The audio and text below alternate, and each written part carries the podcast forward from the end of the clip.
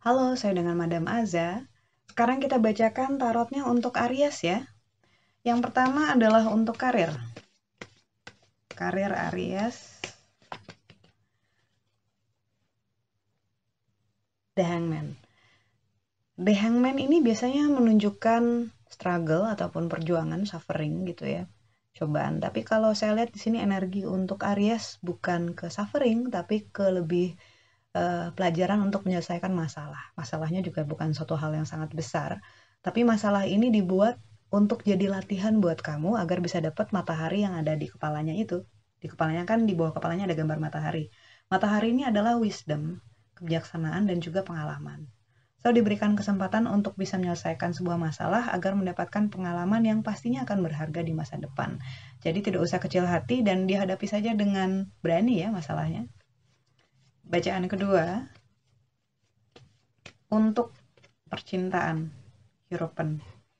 Kartu Europen ini menunjukkan orang yang memegang kitab Torah, ilmu pengetahuan, dan satu tangannya di telinga. Saat kartu di Europen keluar, ini bicara tentang pentingnya mendengarkan untuk memahami, bukan mendengarkan untuk membantah, apalagi menunjukkan kalau kita lebih paham atau kita lebih benar. Apa pun yang dibilang oleh pasangan, ataupun misalnya orang di sekitar pasangan, seperti keluarganya gitu ya, dengarkan saja dulu, pahami saja dulu agar kamu mendapatkan input. Seringkali kita terlalu sibuk dengan diri sendiri dan merasa diri udah pegang kitab Torah, ilmu pengetahuan kita ngerasa kita lebih dewasa, lebih berpengalaman, dan lebih pen, lebih pintar, sehingga omongan orang tuh kayak cuman masuk kuping kanan keluar kuping kiri tanpa benar-benar kita resapi. Nah, jangan seperti itu. Apalagi dengan pasangan harus lebih menghargai dengan benar-benar mendengarkan saat dia bicara. Yang terakhir, kartu nasihat untuk Aries. Ini horoskop yang disukai banyak orang nih karena kebanyakan orang Aries itu menyenangkan dan supel katanya.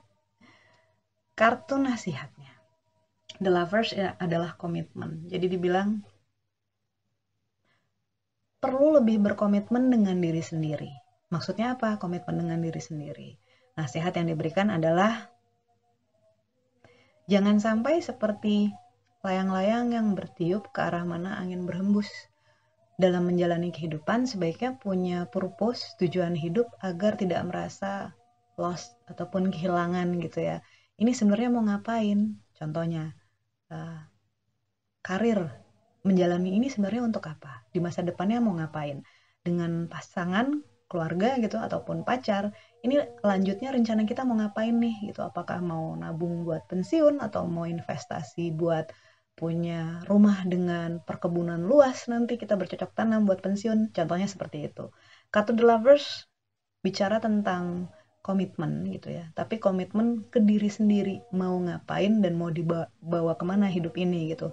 Jangan sampai merasa kosong merasa kosong itu karena tidak punya purpose ataupun tujuan dan mungkin juga karena nggak pernah bicara dengan diri sendiri nggak pernah nanya ke diri sendiri apa sih yang bikin bahagia apa sih yang bisa saya lakukan untuk meningkatkan kualitas hidup saya dan orang-orang yang saya cintai sekian bacaannya untuk Aries semoga bermanfaat uh, jangan lupa untuk subscribe like dan share. Semoga lebih banyak lagi yang bisa mendengarkan nasihat baik dan uh, bacaan buat mereka.